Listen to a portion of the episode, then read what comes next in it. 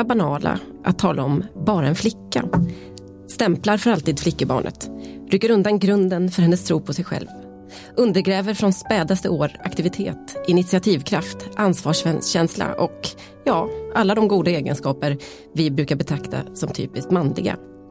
Hur ska vi kunna veta om kvinnorna av naturen inte har dessa egenskaper när uppfostran systematiskt går ut på att kväva dem och istället framodla en djupt kvinnlig hjälplöshet, blyghet, mildhet och så vidare. Välkomna till Football Radical, Simon Bank. Visst, var det där något ur Paulus? Det var väl eh, inte så långt ifrån. Eh, om vi ska översätta kanske svensk nybyggaranda och socialdemokrati till Bibeln så hamnar vi väl där. Många gör ju det. Många gör det, framförallt på den här tidningen. Just det. Eh, detta var Alva Myrdal. Ah, och eh, det hon säger eller skriver i eh, brevet som, eller talet som heter Uppfostran till kvinnlighet med Q eh, är ju inte så särskilt kontroversiellt idag men 1934 när hon uttalar de här orden kan man väl tänka sig att eh, hon också ställde sig den här frågan. Inte bara som, en, som ett retoriskt knep utan kan det vara så att vi uppfostrar kvinnor till att bli hjälplösa offer och att om vi hade liksom gett flickor samma chans så kanske de hade blivit någonting annat, kanske lika bra som männen. Ja, det är som det är med tjejer, det blir aldrig några riktiga killar av dem. Så att säga. Jag tänker att var det inte ens så lite provokativt eller kontroversiellt att hon stavade kvinna med Q eller det var, det var långt före den ironiska generationen. Ja, det var, var nej, precis. Däremot vet jag inte om, ja, nej jag tror inte att hon spelar på ironi utan det, man stavade ju med Q ganska länge. Det känns inte som att man gjorde det 34 men jag kan ha fel. Jag har väl kanske det då. Uppfostran till kvinnlighet. Jag har tänkt lite på detta, jag tyckte det var eh, lite träffande när man nu kom tillbaks efter ett långt sommarlov. Och eh, sist vi sågs och sist vi poddade så hade kvinnor med Q spelat eh, VM-final i fotboll med F. Eh, och jag vet inte om du delar den här känslan. Jag slog på i alla fall Supercupfinalen häromdagen på fransk tv. Eh, mellan då Chelsea och Liverpool och det var eh, franska, vilka det nu var, Kanal Plus som sände den hade en, en enda expert och det var en kvinna i eh, studion. Eh, jag kom hem till Sverige, slog på Viasat och där var det plötsligt en kvinnlig programledare och en kvinnlig expert. Detta svensk fotbolls-tvs sorgebarn i många år. Jag den sista bastionen. Ja men lite så. Vi är ju mm. några som har gnällt lite på dem genom åren. Vår ärade kollega Marcus Leif inte, inte minst.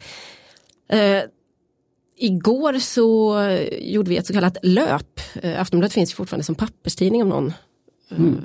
betvivlar detta. That is brand new information. Ja, precis. Om att eh, Manchester United har värvat en 22-årig kvinna. Jag nämner inga namn här för att det, poängen är lite en, en annan som ni förstår. Eh, och rent generellt så har det varit ganska mycket damfotbollsnyheter under eh, sommaren. Jag, också när man tittade såklart på den här supercupfinalen så var det, det slående, detta är ett smalt franskt skämt då, att eh, huvuddomaren var Stephanie Frappard mm. med sitt eh, kvinnliga, med sin kvinnliga domarstab såklart, eller sitt gäng. Eh, det var som att det har kommit in, det har liksom öppnats en liten dörr för att göra fotbollen i, liksom all in all, lite lite feminin. Eh, inte bara damfotbollen då, utan att det har börjat beredas någon plats. Jag får ju en känsla av att vi är mitt i en ganska stor omvälvning här. Delar du min analys? Jo, men det är klart att det är där. Vi ska väl säga också välkomna tillbaka efter ett långt, långt och, och skönt eh, sommarlov på något sätt. Eh, och om det inte märks, det borde märkas, så sitter ju jag, Simon Bank och eh, du, Johanna Frändén, i precis samma stockholmska lilla skrubb mm. eh, på ett oerhört trevligt sätt. Senast vi pratade var just det, då summerade vi ett VM eh, höga på ångorna fortfarande från det som hände i, i, i Frankrike under en sommarmånad. Och det pratades ju inför hela det VMet om att det, det, här kommer vara någonting som vi som förändrar eller bekräftar att historien är på väg någon annanstans. Och, eh, det var lite, lite självuppfyllande kanske. Det kändes som att allt det som skulle hända hade hänt redan före. Eh, kampen hade stått redan före och det här var liksom någon slags fruktskördande eh, efter 40 års kamp. Eh, därmed inte sagt att den, den kampen överhuvudtaget är över men det är roligt att se nu just det här hur, hur det händer saker precis överallt. Att vinden har vänt på det sättet att nu vill alla helt plötsligt vara med. Eh, alla vill vara med, alla har märkt att eh, lite så här smått yrvaket att här, här finns det pengar att göra, här finns det poänger att göra, här finns det PR att göra. Och så finns det journalistik att göra. Här finns det journalistik Klart. att göra inte minst. Och mm. det är ju eh, ur ett rent journalistiskt perspektiv så kan jag känna att det här kanske var ett av de, de sista stora mästerskapen där man kunde åka dit och tälja, eh, vad säger man, tälja guld med Fällkniv. Fällkniv. If you like. Vi är starka på ordstäv i den här podden. allting fortfarande var relativt oberättat. Det var bara att sticka ner eh, skicka ner eh, hoven i vilken VM-trupp som helst och så dök det upp tio stycken helt otroliga oberättade historier som mm. handlade om eh, om starka eh, personer som hade kämpat ett helt liv och nu kunde stå liksom mitt på scenen, front and center och, och visa upp hela sina, sina liv för världen. Eh, och nu börjar det rulla på. Vi pratade tror jag i, i våras någon gång om, om liksom, vad är det som kommer förändra transfermarknaden och sånt. Eh, och jag sa då att ja, men, eh, vi citerade en, en, fransk agent som sa att ja, men, VM i sig tror jag inte kommer spela så stor roll. Det som kommer verkligen bli en game changer som förändrar kartan är när Real Madrid kliver in eh, och startar ett, ett damfotbollslag mm. eh, och ska då köpa upp en massa spelare. Då kommer det hända saker, då kommer det komma pengar i, i sporten och så vidare. Mm. Och det hände ju inte så långt därefter. Mm. Eh, de heter inte Real Madrid men de, de heter det om ett år med då ja, förhoppningsvis är väl Kosova Aslan och Sofia Jakobsson fortfarande kvar.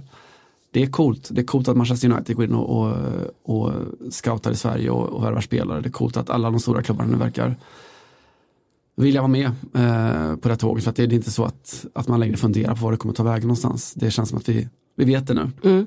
Och sen, det är ju lite kanske enkel poäng att plocka hem. Och alla våra lyssnare hade ju varit otroligt förvånade om vi inte hade gjort den här ganska präktiga uppföljningen på saken. Men jag vill ändå känna att eh, det som jag som nästan bara har bevakat faktiskt herrfotboll då. den här sommaren var lite av ett undantag. Att man ändå eh, alltid befinner sig i en väldigt maskulin miljö och det har liksom inte egentligen varit eh, no några konstigheter för det har varit en sån självklarhet och nu så var det som att eh, kanske framförallt då i länder som Frankrike så fick eh, då kvinnliga experter, det var ju nästan bara kvinnliga expertkommentatorer under eh, VM, mycket gamla spelare och en del aktiva spelare också för den delen.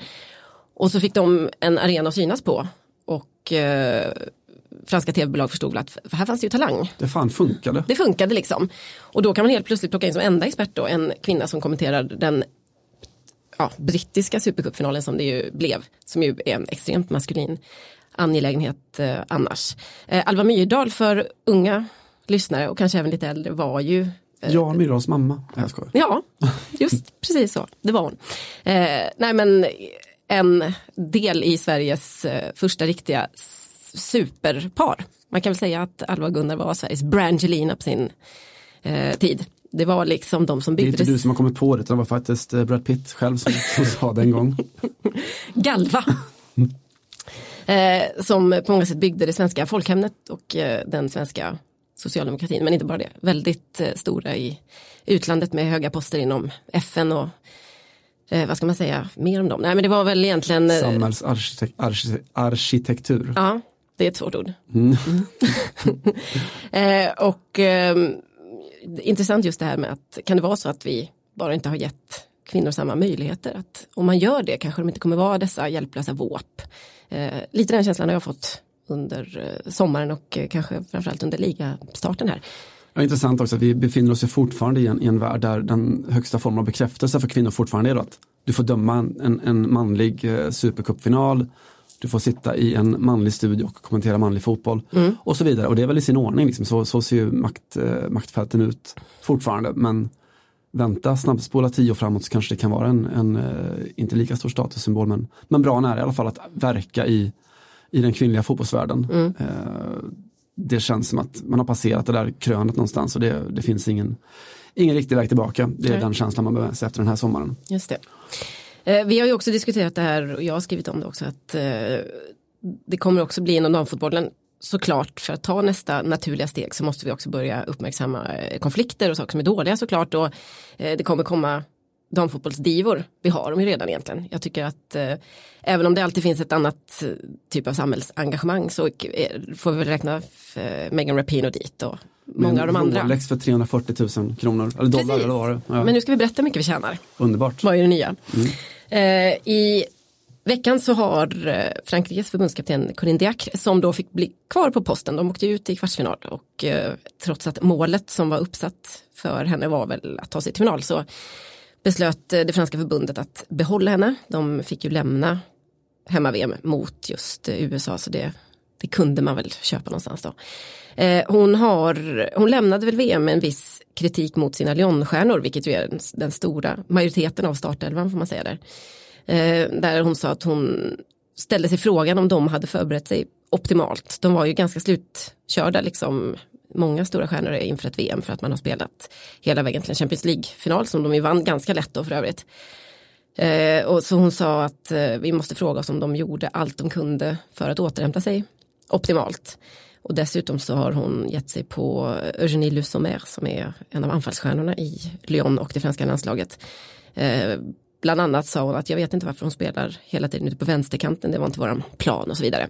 Eh, detta har, en liten konflikt har blossat upp nu då. Eh, Jean-Michel Aulas som är överstepräst och eh, president i Lyon och som ju värnar väldigt mycket om sitt damlag gick ut och sa att han tyckte att det var oacceptabelt. Så får man inte göra, det var liksom mobbning och mentalt får man inte behandla sina spelare så.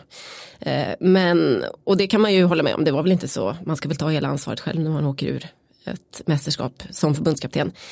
Men någonstans så tror jag att det här är en ganska så naturlig eh, övergång eller utveckling och eh, vi ska nog vara glada att den kommer egentligen också. Vi har ju sett i Sverige också under Pia Sundhags tid att det var gnisslade ganska ofta mellan henne och de franska eller och de allsvenska, de allsvenska tränarna till exempel och sådär.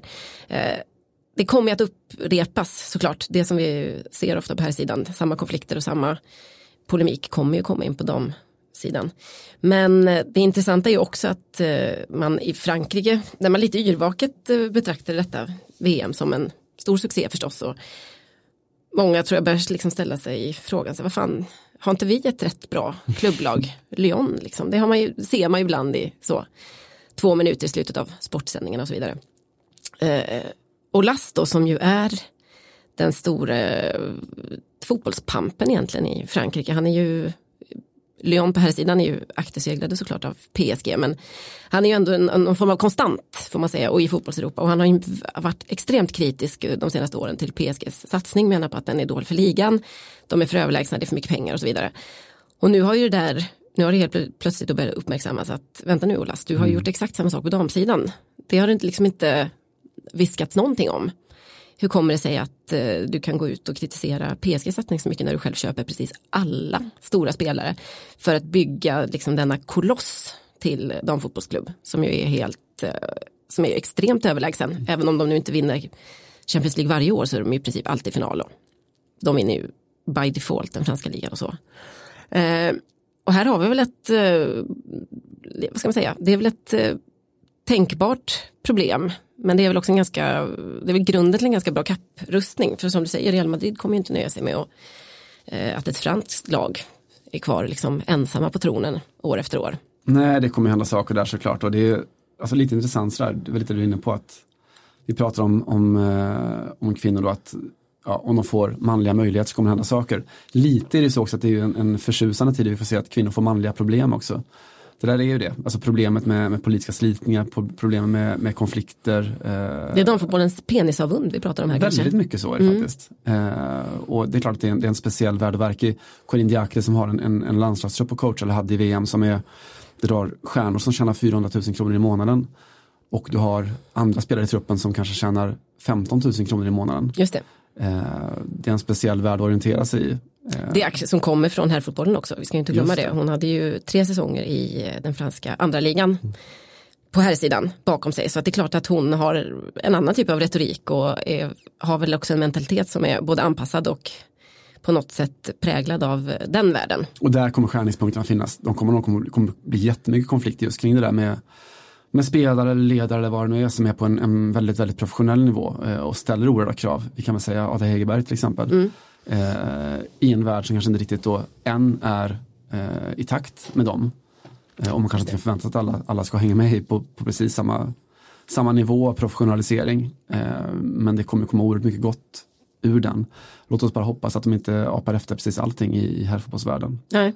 De har ju, det finns en lucka att fylla med en, en, sund, en sund fotboll. Eh, faktiskt, de kan mm. ha chansen att, att bygga sin egen, sin egen sport. En sund boll i en sund kropp. Just det, en sund, ball, en sund boll i en sund kropp. Andra funderingar kring tiden som har gått? Kring tiden som har gått, sist. ja vad alltså vi är lite i, i en form av medieskugga eh, och också för i alla fall mig personligen, mitt under under brinnande dagen, spelat massa andra turneringar också med eh, Afrikanska mästerskapen inte minst. Och, eh, som man lite fick läsa, eh, jag hann inte se så mycket som jag hade velat, man fick läsa ikapp istället. Och det skrevs väl inte jättemycket om det i svenska medier heller, men eh, vi kan bara sådär återkoppla till saker som vi pratade om i, i våras. Jag vet att jag före valet i Algeriet hade lite musiksegment. Eh, det var en här återkommande grej i podden vår mm. med nordafrikanska läktare, vad som sjungs där. Vi pratat om, om Marocko och Casablanca. Och vi har pratat också om, eh, om just Algeriet. Och de befinner sig där de befinner sig, eh, det här eh, Irak, eh, alltså hela rörelsen. Irak. Exakt. den också. Ja, där ligger det inte. Till exempel andra länder eh, som är långt bort. Eh, nej men rö rörelsen eh, kan man väl säga, alltså den regimkritiska rörelsen, gaturörelsen i, i Algeriet som, eh, som pågick då, då i, i konflikt med Bouteflika, den här gamla evige despoten som då efter alla protester, inte minst då på fotbollsläktare, eh, skickades ut och inte fick ställa upp för ett, ett femte omval trots att han i det närmaste var, var död. Är han död? Eh, oklart och det är en fråga som har ställts under fem års tid i princip. Ja. Eh, men de har fortfarande fått en ny president. Eh, nu i somras så gick de och vann då, blev afrikanska mästare första gången sedan 1990. Vann finalen mot Senegal med 1-0. Och som det alltid är med den här sortens fotbollsframgångar så finns det ju alltid en, en eh, regim och styrande. Det, inte liksom vara, det kan, vara, kan vara Sverige eller Danmark eller vad du vill. Att politikerna vill komma dit och tälla guld med fällkniv. fällkniv. Mm. Mm. Drar sina PR-poäng. Det man kan konstatera var att det var inte så jättelätt för Donald Trump att dra stora PR-poäng på USAs VM-guld. Och det var sannerligen inte jättelätt för regimen i Algeriet heller att dra poäng på eh, Algeriets eh, titel i Afrikanska mästerskapen. För eh, ja, vi spelade då i, i våras någon som sagt före valet eh, så spelade vi eh, läktarsångerna från Alger där eh, de spelade Casa del Moradia eh, med Oded El Badja, en sån protestsång. Och eh, när då Algeriet, det här unga, eh, ganska charmanta eh, laget, hade säkrat sin finalplats i, i Afrikanska så på läktarna så sjöng eh, deras fans om eh, Deuxième étoile, Deuxième république. Alltså andra stjärnan, andra titeln i afrikanska och eh, en, an, en andra republik också. Alltså man har, har en, ny, en ny regering. En Äntligen. ny, eh, ja precis, konstitution egentligen. Precis så. Mm. Eh, och eh, spelarna då, de här stora hjältarna, jo, de eh, skickade också ut massa sådana här filmer på sina egna sociala medier där de firade eh, sin titel, sin finalplats. Eh, och vi kan väl smålyssna lite på vad de sjöng. Det lät så här.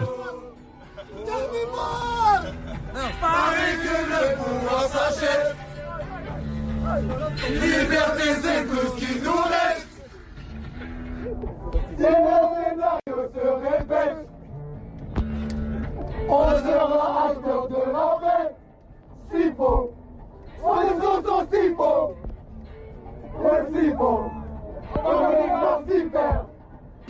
Och det där var, eh, alltså vi kan höra den sen lite kort i eh, originalversion också, eh, Soul King och just Oled El Badja, eh, hitten som är då en, också någon form av gatu-anthem för eh, El Irak, för hela motståndsrörelsen.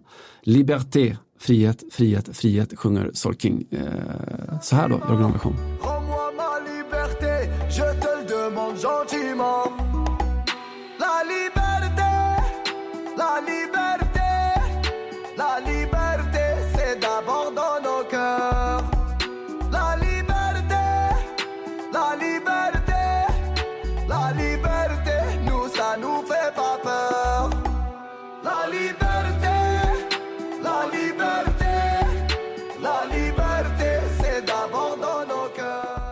Så alltså, så om vi ska summera sommaren på något sätt så eh, är det väl just det där. Eh, landslag, stora eh, kontinental och globaltitlar som inte kanske var så mycket att göra PR av för, för länderna som faktiskt vann utan snarare protestguld. Det var väl sommarens tema lite grann. Just det.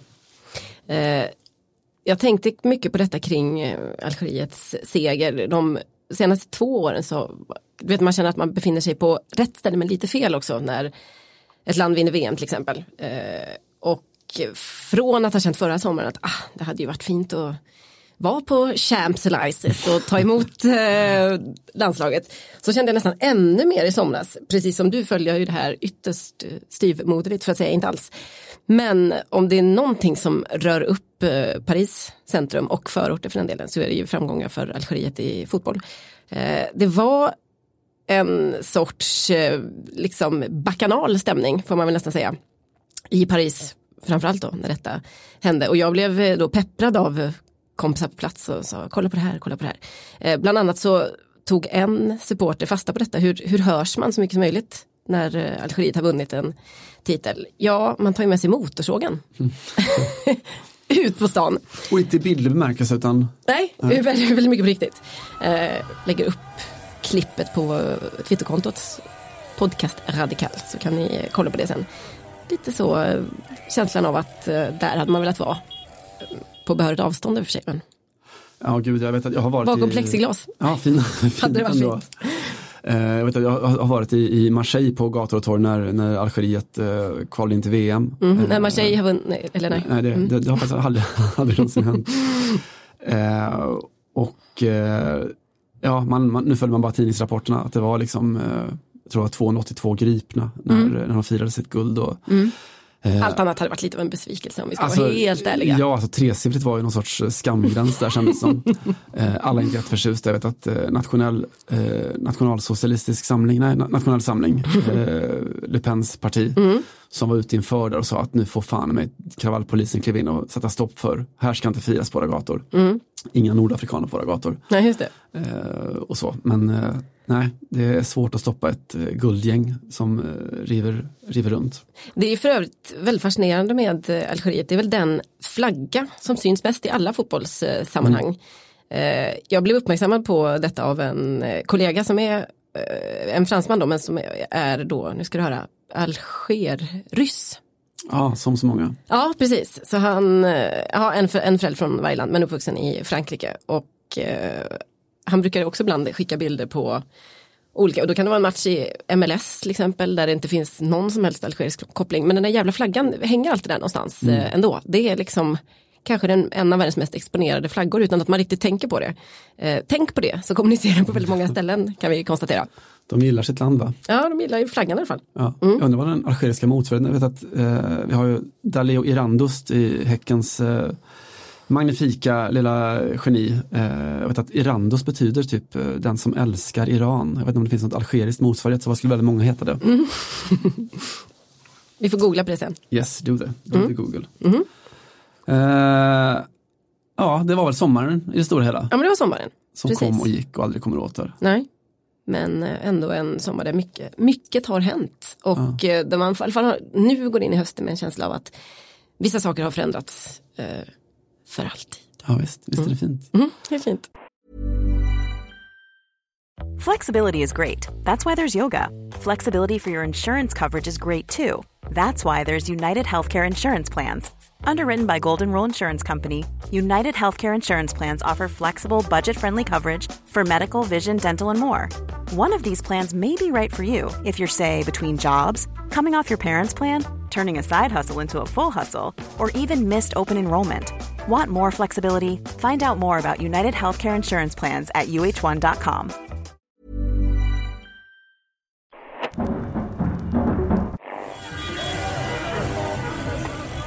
Men vi är kvar, vi är, kvar. här mm. Eh, och vi börjar om. Eh, inga inkilningar på gång inför hösten. Inga, jag har inte krävt att du ska ställa dig upp och eh, sjunga en, en sån välvald fin bit. Varför, men... varför inte? Bra fråga faktiskt. Eh, däremot så eh, konstaterar jag att det är ganska många av våra älskade hjältar runt om i Europa som har gjort just detta. jag vet inte om det här är en tradition som vi, vi har inte den riktigt i Sverige vågar jag påstå eller? Sångtraditionen, eh, nej. Nej. Jag vet att landslaget har man att man ska hålla ett tal tror jag, Ja. debutant, debutanttalet. Eh, I eh, södra Europa i alla fall. Jag vågar kanske nästan påstå att det inte, faktiskt inte gäller i Premier League heller riktigt detta. Fredrik Jo. Ljungberg sjöng väl en eh, bejublad, eller mindre bejublad, vad fan var han sjöng? Thomas Ledin kanske? När han klev in i, i tränarstab. bra bild. Ja, nej, det finns kanske där då. Men eh, hur som helst så finns det väldigt mycket i eh, Italien, Spanien och eh, så vidare. Eh, och eh, en eh, liten överblick eh, ger ändå vid handen att vi har några ganska starka ska man säga, kandidater till eh, årets eh, sånginsats.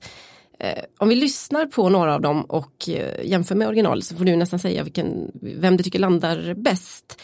Det är viss övervikt mot Juventus här. De har ju haft en middag där hela gänget skulle kilas in.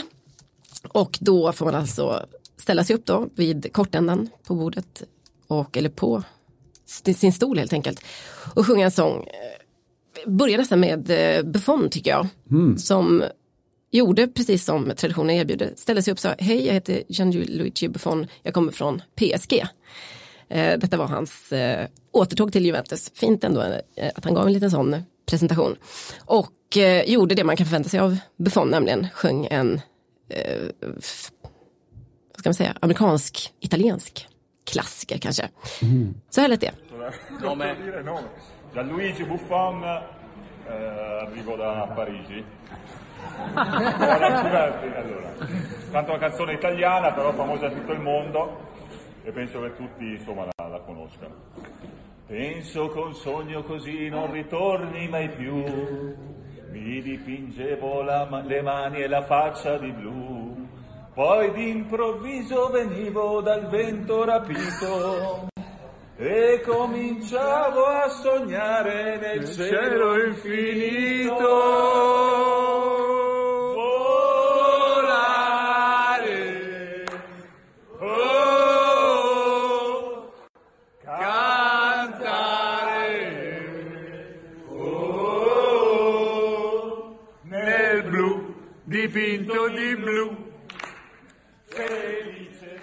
Eh, och så här låter väl originalet då.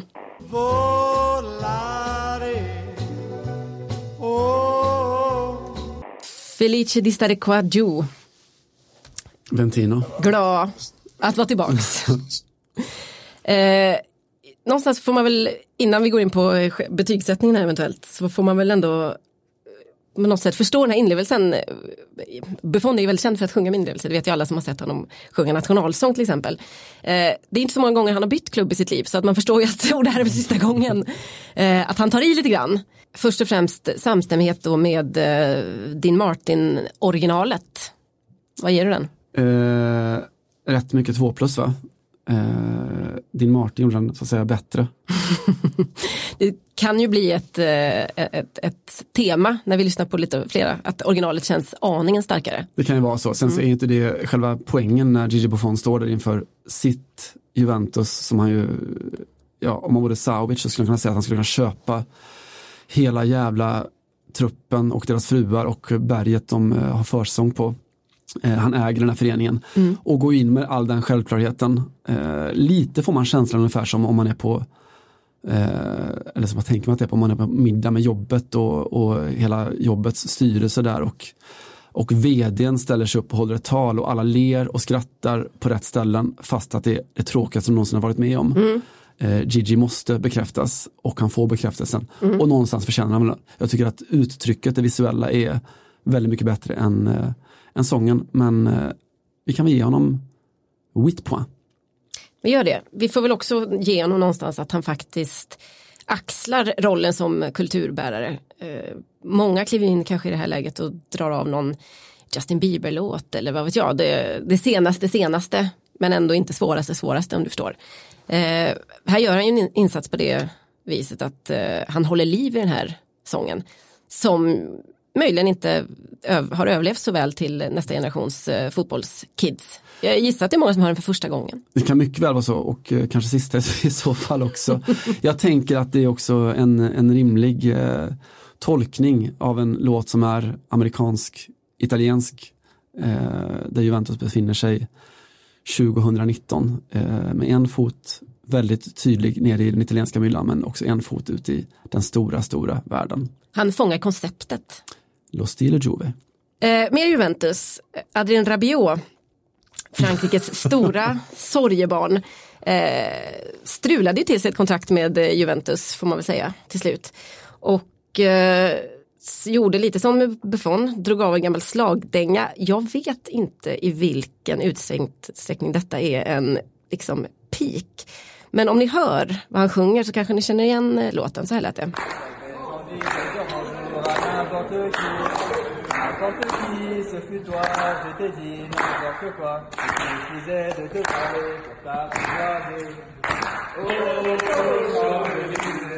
Eh, vi lyssnar på, inte originalet då, utan eh, lite hur låten var känd de eh, senaste eh, 13-14 månaderna kanske i eh, Frankrike och hela världen.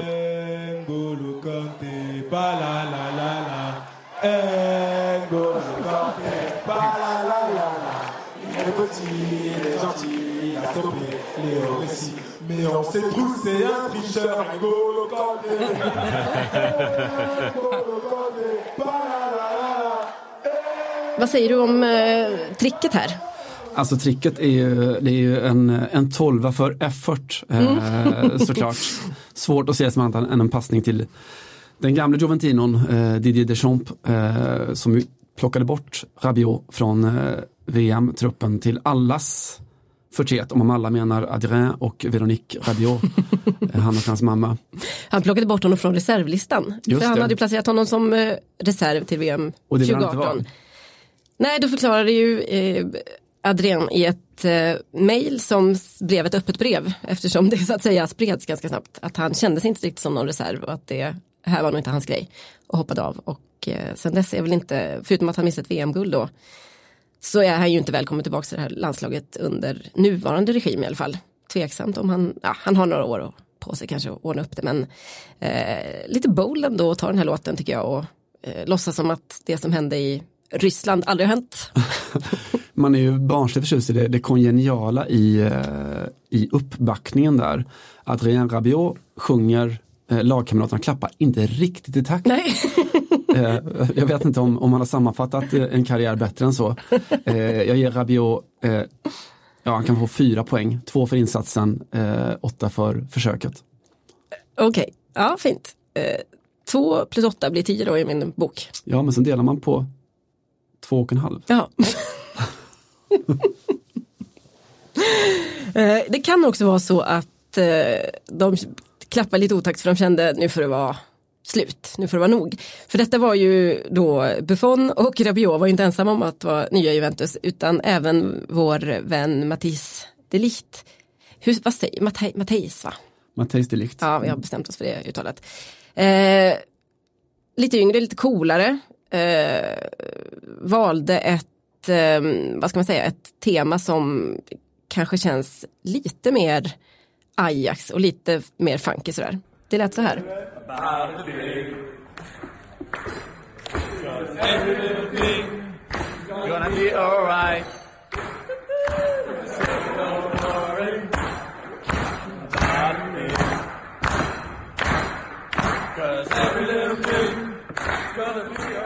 Eh, det ska ju till en holländare va? och dra av en sån eh, Mariana-hymn i eh, Turin. Den är ju fin, den är ju inte bara en, Mariana-hymn utan också Ajax hymn. De började ju importera den från någon engelsk eh, träningsturné och började sjunga den, de sjunger den fortfarande tror jag, på eh, när andra halvlek startar mm. hemma på det som nu heter Johan Cruyff-stadion. Mm. Eh, alltså han gör det lite lätt för sig kan jag tycka. Dels är den ju väldigt, väldigt lättklappad. Mm. Eh, och väldigt, väldigt lättsjungen. Därmed inte sagt att han lyckas sjunga den så fantastiskt bra. Eh, han må vara en idol men han ska nog aldrig ställa upp i tävlingen Idol. Eh, det där är väl en tvåa där. Han är inte en Kevin Walker, det du försöker, eh, han kommer aldrig liksom slitas mellan dessa två det finns, karriärer. det finns bara en Kevin Walker. Mm. Eh, till och med ensam är han en för mycket, som, som Hamlet sa. Eh, nej, det där var svagt, det där var rent, rent svagt, eh, mittbacks svagt. Mm mittback svagt. Eh, Ander Herrera har skrivit på, på för PSG, gick gratis mer eller mindre till eh, klubben och är väl en förstärkning som man kan leva med i den franska huvudstaden. Eh, han valde ett spår som jag tror, jag vågar nästan påstå är det vanligaste, nämligen att damma av någon av de senaste två, tre årens stora radiohit. Eh, så här låter det när Herrera ger sig på latinohymner. Eh, I kraft av sitt ursprung så ska han väl kunna greja det kanske.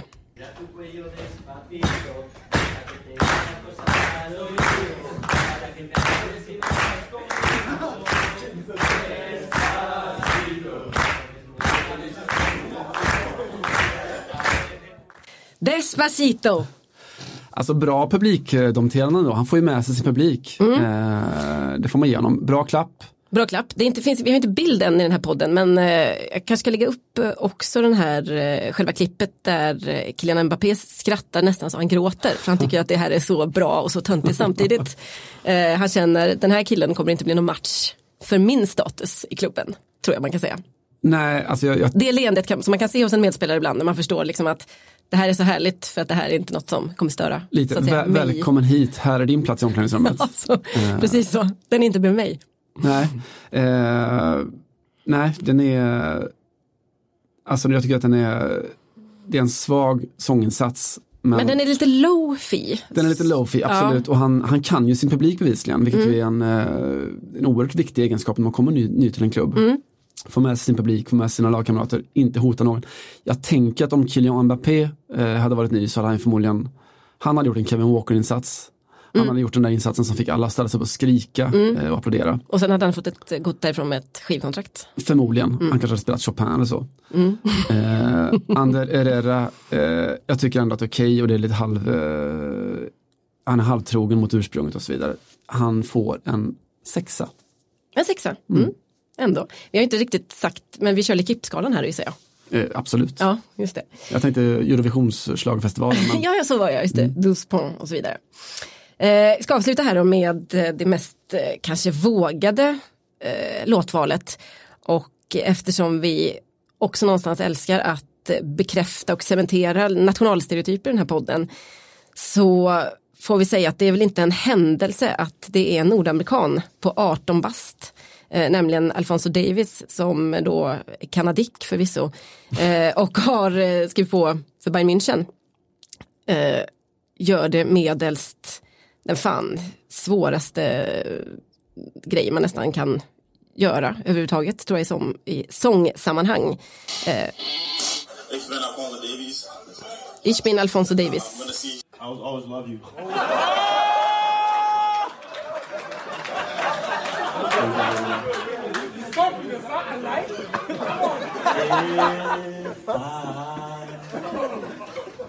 Should stay, I will only be your way.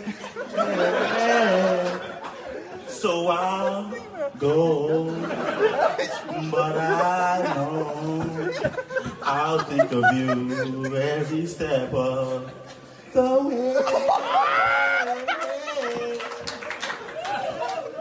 And I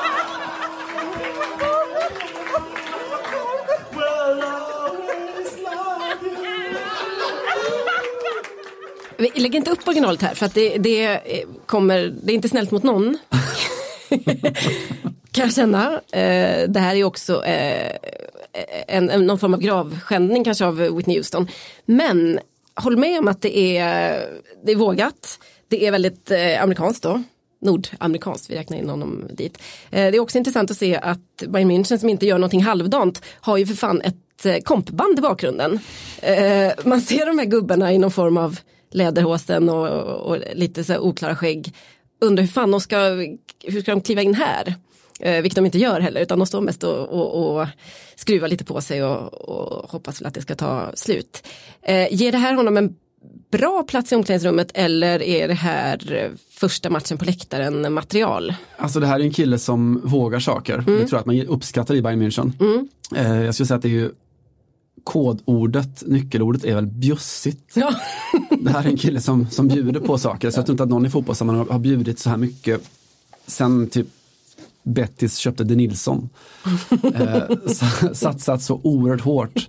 Han kan ju inte förlora för han har redan förlorat. ja. eh, på något vis. Jag tror att han är som klippt och skuren för, för Sydtyskland. Eh, för att våga stå längst fram och dribbla som siste man. Han vinner på det där. Mm. Eh, 12 points, 12 punkter kanske. Ja, det köper jag osett så att säga. Eh, Okej, så att vi kanske då ska ändå ge Alfonso Davis eh, kronan eh, i inkilningsgyttret. det är inte superhård konkurrens. Det är, vi har, jag menar, de få fotbollsspelare som kan sjunga eller som har någon form av musikaliskt sinne har ju alla en, någon form av eh, rap rb karriär som vi, och vi har ju spelat, jag har ju spelat dem alla i podden vid något tillfälle. Eh, det här är, är ju liksom det bästa av skrapet får man väl säga.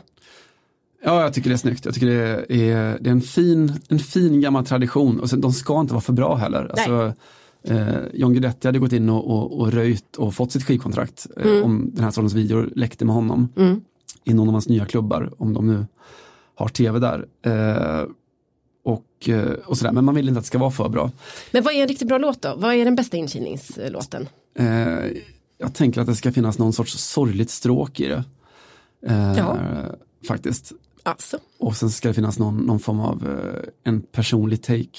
Jag vet att det finaste i, i musiksammanhang som jag sett från fotbollsvärlden, om man ska återkoppla till, till Juventus, den kommer just därifrån. Eh, någon gång, ganska många år sedan tror jag. De, de står i någon italiensk tv-show och sjunger eh, Lucio Battistis Il mio canto libero eh, i sina kostymer. Eh, och gör det med ganska stort allvar. Eh, Nej men de sjunger så fint. Ja, någon form av så här italienska körslaget är det.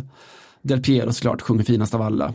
Sambrotta är inte helt dålig. Sambrott är verkligen inte helt dålig. Eh, Buffon är, har ett soloparti också. absolut, Ja. och framförallt absolut starkaste är när, när Pesotto i den, den sången, alltså Pesotto, en, ett tag innan han ska hoppa från, från Juventus högkvarter eh, i ett försök att ta, ta livet av sig.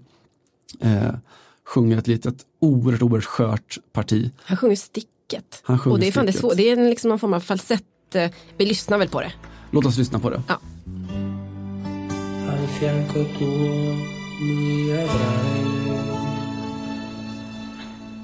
Se tu lo vuoi.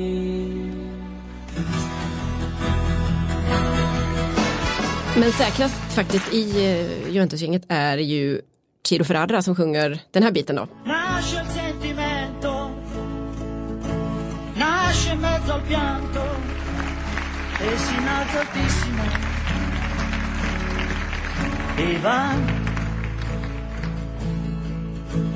E vola sulle accuse della gente a tutti i suoi retaggi indifferente sorretto da un anelito da Och han, man ser att han kan. Och det är, det är något väldigt italienskt över det här. Att de inte eh, går in och gör det dåligt utan Nej. de går in och gör det väldigt bra.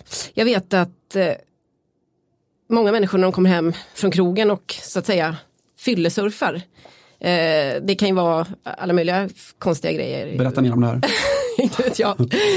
Eh, highlights från stora matcher kanske, inte vet jag. Pornografi är väl ganska vanligt. Jag brukar alltid surfa in och lyssna på den här låten när jag är lite svajig för jag tycker att det är, det, är no, det finns någon form av guilty pleasure över att eh, lyssna på Il mio canto libero med eh, Juventus, denna fantastiska upplaga. Eh, där vet, nu vet ni vad jag gör klockan 03.35 på söndag morgon. Mm. Vad gör du? Snar, snarkar. Kolla gamla Ginola-klipp. Det har hänt.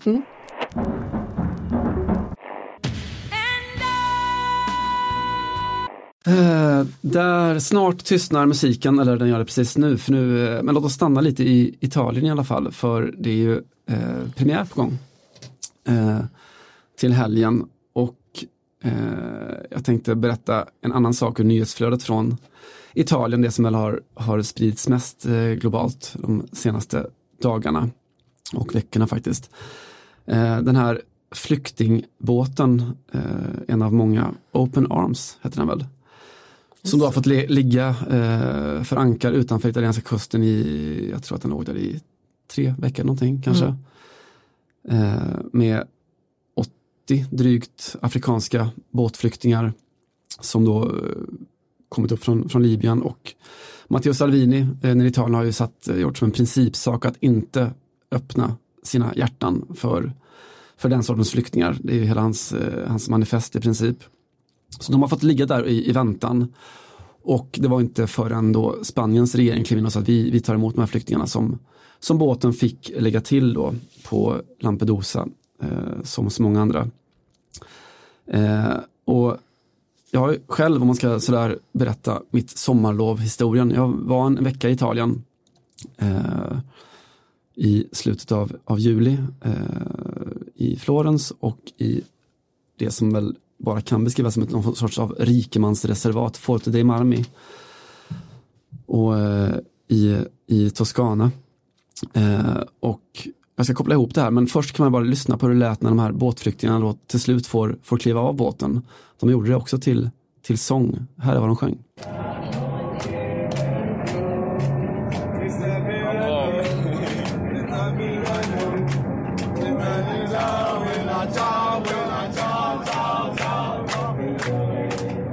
Ja, de hörde ju såklart, eller de sjöng ju såklart eh, Bella Ciao. En gammal podcastfavorit, den där partisansången från andra världskriget om att ge sitt liv för friheten. Och när jag hörde det där eh, mot då den toskanska berg och havbakgrunden som jag befann mig i så kom jag att tänka på en fotbollstränare. Som man gör. För det finns ju en ganska given skärningspunkt då mellan Bella Ciao, Toscana Eh, och fotbollen. Så som ingång i det där upplägget så ska jag läsa ett litet utdrag ur en, en bok som kom för ett årtionde sedan ungefär. Det är en biografi som handlar om en, ett gäng, då, en handfull amerikanska stridspiloter som 1944, eh, 75 år sedan, eh, hoppar fallskärm ner. Då. Deras plan blir nedskjutet, de hoppar fallskärm. Ur planet då i det nazistkontrollerade Toscana. En av dem hette Bill Lanza Eh, och här då är lite närvaroläsning ur en bok som heter Shot Down Over Italy. Skriven av en släkting till Bill Lanza. Så här. Bill was now engaged in a high risk venture. While in uniform, if captured, he would become a prisoner of war. As such, he would be subject to humane treatment under the Geneva Convention, even though under wartime conditions existing in Italy at that time This wasn't always the case. Out of uniform, however, even though he wasn't a spy, he might be viewed as a spy, and thus be subject to a far different treatment, maybe even death. Bill recalls that the partisan put his clothes in the bag, noting, The partisan's last name was Sarri. That's all I ever called him. Och då förstår ni, det var alltså Maurizio eh, Sarris pappa, Amerigo, eh, sedermera kommunist och eh, också proffscyklist, som hittade de här jänkarna då, nedskjutna. Eh, och det var Goffredo, Saris farfar, eh, som då var partisanledaren som Belanza skriver om, eh, som såg till att gömma eh, stridsflygarna och sedermera också smuggla ut dem ur nazistkontrollerat område. Så där, på lördag nu i helgen så debuterar Maurizio Sarri som eh, Juventus-tränare eh, i Serie A. Eh, om han nu kan åka med till Parma, det är lite oklart för han har ju då drabbats av lunginflammation och hög feber. Eh, och jag tänker att det är väl sånt som kanske händer om man drar i sig 80 cigg om dagen. Och inte sköter sin... Ska vi inte hålla på och moralisera över folk som har nikotinbehov? Eh, hygiene de vie, som ni säger i Frankrike, livshygienen brister.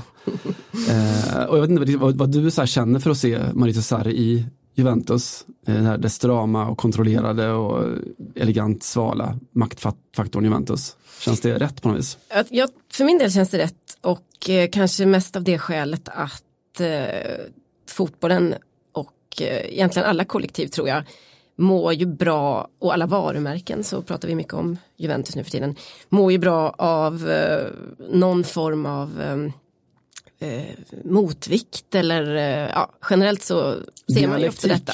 Dialektik, tack så mycket. Varit så länge på sommarlov nu, jag kan inga svåra ord. eh, och det tror jag väl kanske kan vara, jag tror att, eh, att Juventus är en sån klubb som behöver, dels behöver de en stark tränare för det finns ju otroligt många intressen kring den här klubben, kommersiella men framförallt kanske inom eh, spelartruppen, väldigt mycket starka individer och så. Eh, och därför eh, tror jag, och nu tjejer, tjejer gissar jag såklart, att eh, det kan vara eh, väldigt välgörande att få en, eh, någon form av eh, bohem och eh, kaosmänniska är fel ord, men en, en väldigt eh, lite tilltufsad och ganska oslipad eh, herre på den posten. Eh, en excentriker på många sätt och framförallt någon som jag inte tror kommer gå med på eh, att eh, liksom fortsätta den här eh, finpolerandet av klubben. Som vi har ju pratat och du har ju pratat om det tidigare i podden. Önskar nu återigen att jag kunde säga avsnitt nummer, men det kan jag inte. Men hur, hur man försöker förvandla Juventus till ett koncept. Det var väl ordet de använde själva. Man ska kunna gå på en konstutställning eller en inredningsmässa och Juventus ska finnas med överallt. För Juventus är faktiskt eh, en livsstil på det dåliga sättet. Då. Ett, ett koncept, någonting som ska vara närvarande på, på alla plan i, i eh, Juventus-stilen. Precis, men det är inte och Juventus-stilen, det är ju intressant för att Juventus-stilen är väl egentligen från början en, någon form av gentlemannakod. Eh, vi sparkar inte tränare, vi beter oss inte på liksom ociviliserat sätt. Eh, och den har väl någonstans eh, fått eh, törnats en del de senaste åren.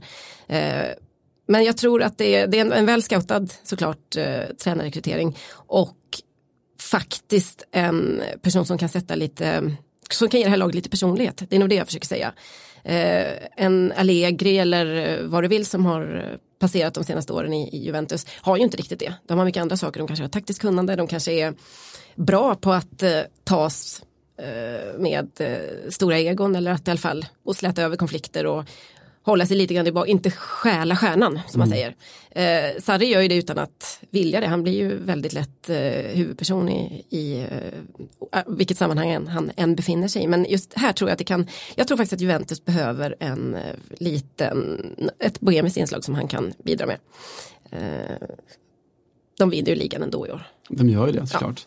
Ja. Eh, nej, jag känner lite att det är sådär, det är som att se man skulle ta över Juventus eh, vilket aldrig var särskilt aktuellt. Eh, men just den där, ja, bohemisk tror jag är ganska bra, bra, bra kodord. Eh, dessutom finns det så fler skäl, eh, historiska skäl för Sarri, utöver att han är napolitano såklart och har stått alltid på, eh, alltså varit en provinsklubbstränare och stått på andra sidan. Så där. Det finns fler skäl för honom att egentligen ha lite svårt för Juventus. Mm. Han, eh, en sak till. Alltså det blir lite, det är som när man åker tåg i, i norra England och sådär och stannar till på uh, varje liten hållplats är en, startar en någon form av madeleinekakeprocess igen. Det är en varje hållplats. Den gamla processen. Ja. jo men varje, varje litet hållplats är en, en fotbollsmagi. En, uh, så. Uh, samma sak i Toscana man åker runt där då. på den tiden när, när Maurizio Sarri kuskade runt i Toscana framförallt och även i tusen andra provinsklubbar så när han väl hade fått fart på sin karriär lite grann i alla fall, gjort, gjort, eh, blivit professionell tränare på riktigt. Han var ju banktjänsteman väldigt länge. Eller valutahandlare tror jag han var. Eh, och han tränade Arezzo, eh, tog över dem, de startade eh, sin Serie B-säsong 2006-2007 på massa minuspoäng, precis som Juventus gjorde. Men i lite olika världar och eh, en av de första matcherna när, när Sarri liksom blev ett sånt där, någon sorts household name i Italien var när han tog med sig Arezzo till till, kan ha varit Del Alpi på den tiden? Eh, frågetecken. Eh, de kanske har flyttat in på Vilket år är Olympic vi? och vi är på 20, 2006. Får, ja, får man, då får man tänka vinter-OS och sådär. Ja, just det. Eh, kan ha varit eh, Olympiastadion. Ja, jag tror att de har flyttat då. Mm. Och eh, Arezzo ligger under med 2-0 en bit in på andra halvlek men eh, går upp och alltså eh, kvitterar på slutet. Två mål av Daniele Martinetti. Och de, de hänger liksom med rätt så de är på väg och de slåss eh, efter den här sensationella poängen så slåss de ändå om att hänga kvar. Imponerande. Inför sista matchen så, så är det de eller Spezia som kommer klara sig till, till eh, kval för att hänga kvar. Eh, Spezia har då Juventus i sista matchen, måste vinna matchen för att ta kvalplatsen från Maurizio Sarris Arezzo.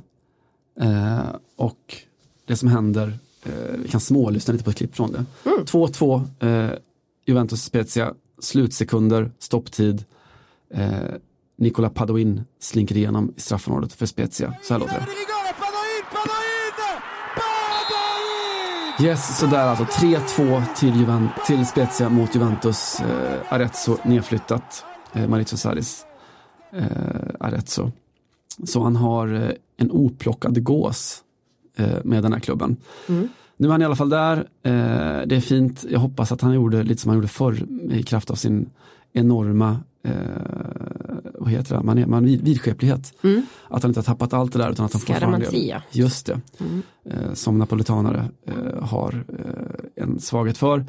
Eh, jag vet att han, när han var på turné eller ute och åkte med, med spelarbussen eh, vid något tillfälle, de var nere i Bari och han låter sin fru sitta kvar i spelarbussen hela matchen för att det bådade inte gott att hon såg matchen, de hade förlorat en match tidigare. Så där fick hon sitta. Det var sånt han gjorde, Eh, sprang och, och skvätte salt på planen och körde alltid samma väg, plockade majskorn på något speciellt fält före matcherna och så. Eh, Juventus behöver mer sånt, inte mindre. Så att, eh, Mera majskorn.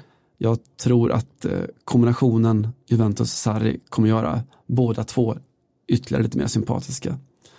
Jag håller i alla fall en liten tumme för Sarri-Juventus. Då har vi väl tagit eh, första efter sommarlovet podden till de tre slutpunkterna. Vi ska ju behålla våra gamla eh, stående inslag i alla fall. Eh, därför vill jag dig ta ut en eh, profil Simon. Har du något? Var lite bjussig nu. Jag var lite bjussig nu, ja vad fan. Eh, jag vet inte hur radikala ska vi vara egentligen? Hur radikala som helst. Underbart, eller konservativa, jag vet inte, konservativ radikala eller vad fan vi ska vara. Eh, låt mig utnämna Dejan Petkovic till veckans profil. Dejan Petkovic säger ni, eh, Real Madrid säger ni kanske eller så. Eh, gamle super eh, mittfältaren, eh, serben. Som ju hamnade i Brasilien, inte på gamla dagar men något åt det hållet i alla fall. Eh, och hade en, en, en fantastisk spelarkarriär i brasilianska ligan och som numera då är eh, en eh, pandit, alltså en, en eh, expert i brasiliansk tv. Eh, uppmärksammades lite här eh, i dagarna när han eh, hamnade i en diskussion kring eh, den colombianske mittfältaren Stalin Motta. eh, apropå dialektik. Inga följdfrågor där. Nej, det är just att det finns en del, en del följdfrågor att ställa eh, och de ställdes också i, i direktsänd liten debatt i brasiliansk tv. Hur fan kan man heta Stalin Motta? Eh, hylla Thiago Motta på det viset. eh, och andra saker. Och han sitter då alltså i en debatt med, med, eh, med Andrei Rizek, journalist. Eh, och Rizek vä vä väcker frågan då. Alltså Stalin Mottas föräldrar, eh, hur tänk, tänkte de liksom, vill de hedra Stalin, den här blodtörstige sovjetiska diktatorn? Man kan tänka sig att Petkovic skulle fnissat lite eller, eller dundrat med. Det gjorde inte Dejan Petkovic. Nej. Han sa, vänta nu, blodtörstig, eh, vad menar du med det? Zizek, eh, vad, vadå, vad menar du, det, det är ett faktum. Eh, Okej, säger Petkovic. Vadå faktum? Rizek. ah, historien. Petkovic, vilken historia? Rizek. mänsklighetens, böcker, historia, eh, faktum, datum. Petkovic, vilken eh, historia du refererar till? Rizek. mänsklighetens, Josef Stalin styrde Sovjet under ungefär tre årtionden. Petkovic styrde Sovjet. Rizek. och dödade massor av människor, massor av människor. Petkovic, ja i krigen. Zizek, nej inte i krigen, även inne i Sovjet. Han eh, skar ner hela, hela motståndet mot sig. Petkovic, han var en kommunistledare till 1953. Och så går Zizek på och talar om att ja, men det är en av de mest blodtörstiga diktatorer som har funnits i mänsklighetens historia. Så Spoiler, han hade väl lite rätt. Vi ska, väl ta, Eh, vi ska väl inte ta vår hand han, av hade, eh, han hade poänger. Stalin. Men jag tycker om hela det kontrafaktiska anslaget. eh, det där med att ifrågasätta det som inte överhuvudtaget går att ifrågasätta. Mm. Eh, och det där, vilken sorts fakta är det du, du relaterar till, refererar till. Eh, jag Eh, säger, Ett modern, en modern take ändå på historien får man ju säga. den kontrafaktiska postsanningstiden, jag att Mm. jag använde ordet postsanning i något sorts eh, ett dokument om Neymar här, här förleden. Mm. Eh, detta synnerligen välanvända ordet på, på sportsidorna. Eh, vi utser, Överanvända. mycket ofta. Vi utser i alla fall Dejan Petkovic till eh, postsanningens apostel eh, och till veckans profil. Det tog ju lite skruv så att säga. Det gjorde det. Mm. Eh, det är, kan jag då kasta in eh, en viss renässans för Stalin i Ryssland faktiskt. Han har ju liksom whitewashats som det heter på många håll. Gamla statyer eller de har väl rest nya helt enkelt av honom på olika ställen och jag förhörde mig med min ryska väninna om detta som bekräftar att det finns liksom någon, någon form av... Rysk-algerisk eller? Nej, hel, mm. helrysk faktiskt. Eh, kring, ja alltså det finns en liten liksom kult, eh, hipster kanske man skulle kunna kalla det, eh, bubbla kring eh, Stalin som ju är jag blir oförstående inför det nästan som Dejan Petkovic blev när han ställdes inför uh, historiska faktum. Vad menar du? Hur, när när Che Guevara-t-shirten känns lite mainstream. när den känns fruktansvärt H&M så ger man sig på att uh, omvärdera och uh, i någon mån då hylla Stalin.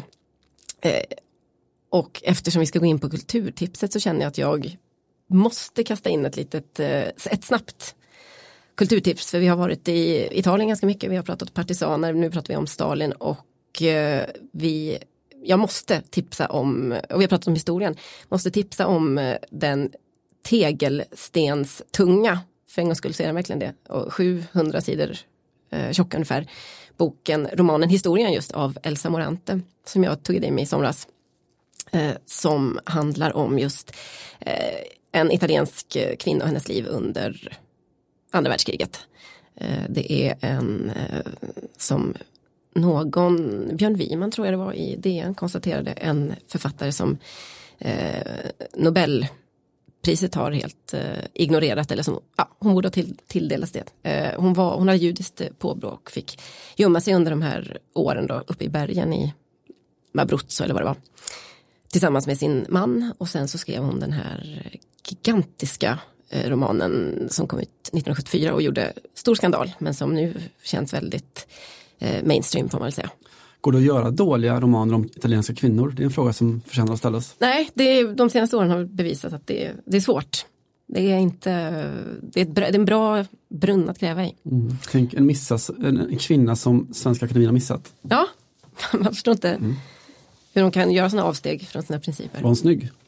Eh, det var inte hennes eh, kanske mest utmärkande drag. Okay. Eh, det var inget fel på hennes utseende men det här är ett kvinnogeni som du mm. brukar säga. Eh, läs den om ni har mycket tid över. Den är svår att liksom så styckeläsa. Man behöver nästan liksom avsätta, avsätta en vecka eller någonting. Eh, fin och klurig och ibland ganska svårtuggad roman.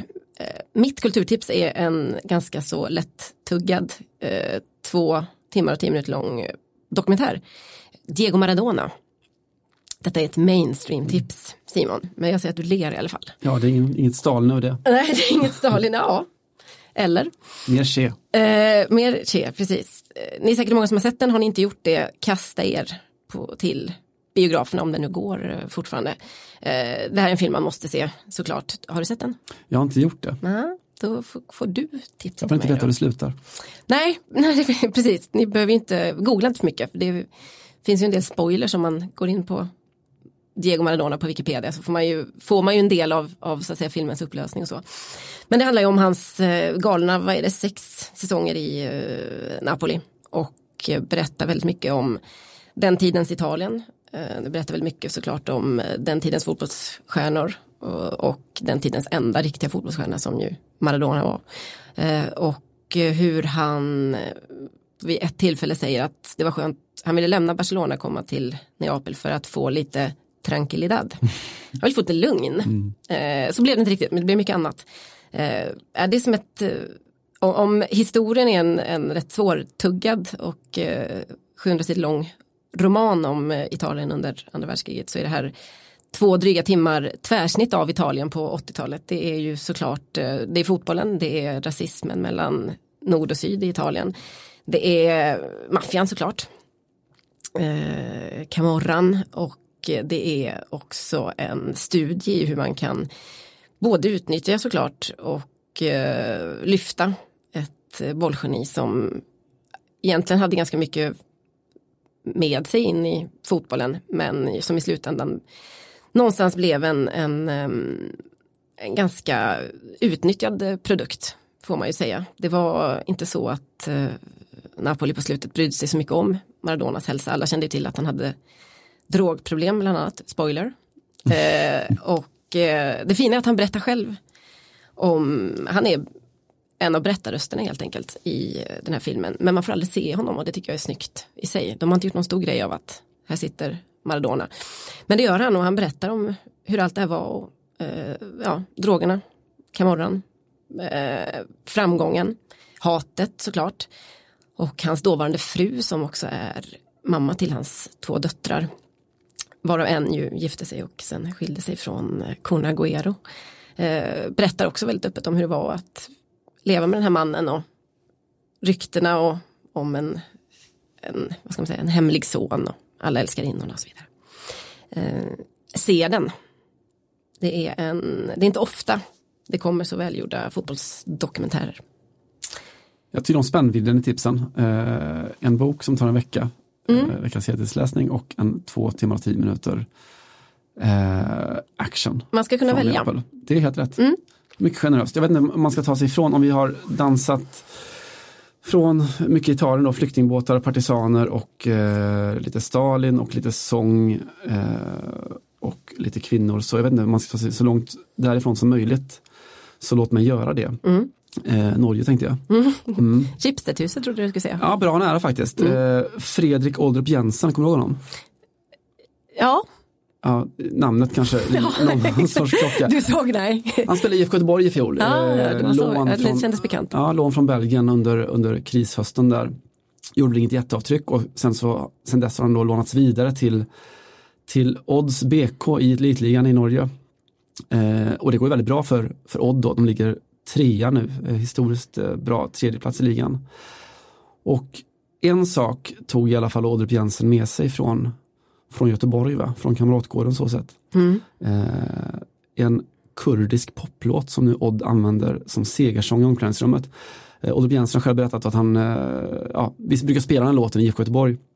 Så jag satte på den i omklädningsrummet i Odd. Mm. Eh, och den matchen vann vi. Eh, och sen så har det bara rullat på sen dess. Ja, ja. Det var som att Sarris fru fick sitta i bussen ungefär. Precis, mm. exakt så. Och då fick i alla fall vara med. Eh, och jag vet att det där är, de är inte den enda idrottsklubben som har den här som segersång. Eh, Guif, Eskilstunas eh, stolthet, har också haft den som segersång i sitt omklädningsrum. Och den är rätt fin. Eh, det som Odd gjorde efter matchen var att de la ut den här eh, då, segerklippet på sina sociala medier på Twitterkontot. Eh, och Odds konto har 9000 följare. Det här klippet fick eh, lite drygt 10 000 likes. och det mm. fick det ifrån kurder naturligtvis över hela mm. jäkla världen. Såklart. Kurdisk tv gjorde ett nyhetsinslag mm. eh, om det här. Om en klubb från Grenland som inte har en enda kurd i laget eller i truppen. Men som firar som kurder. Så vad fan, låt oss avsluta det här historiska första höstavsnittet med att fira som Odds BK. Ta med lök, ta med yoghurt, ta med raki och dansa in hösten. Här är Banhos och Vara Vara. بالكرمانجي أبابنا الله يخلي افندينا تو تو تو تو تو تو تو الله يخلي افندينا ورا ورا ورا والراس حيران ما بجنا تما. جل جل جل جل يا ماما. جان حيران سلمي.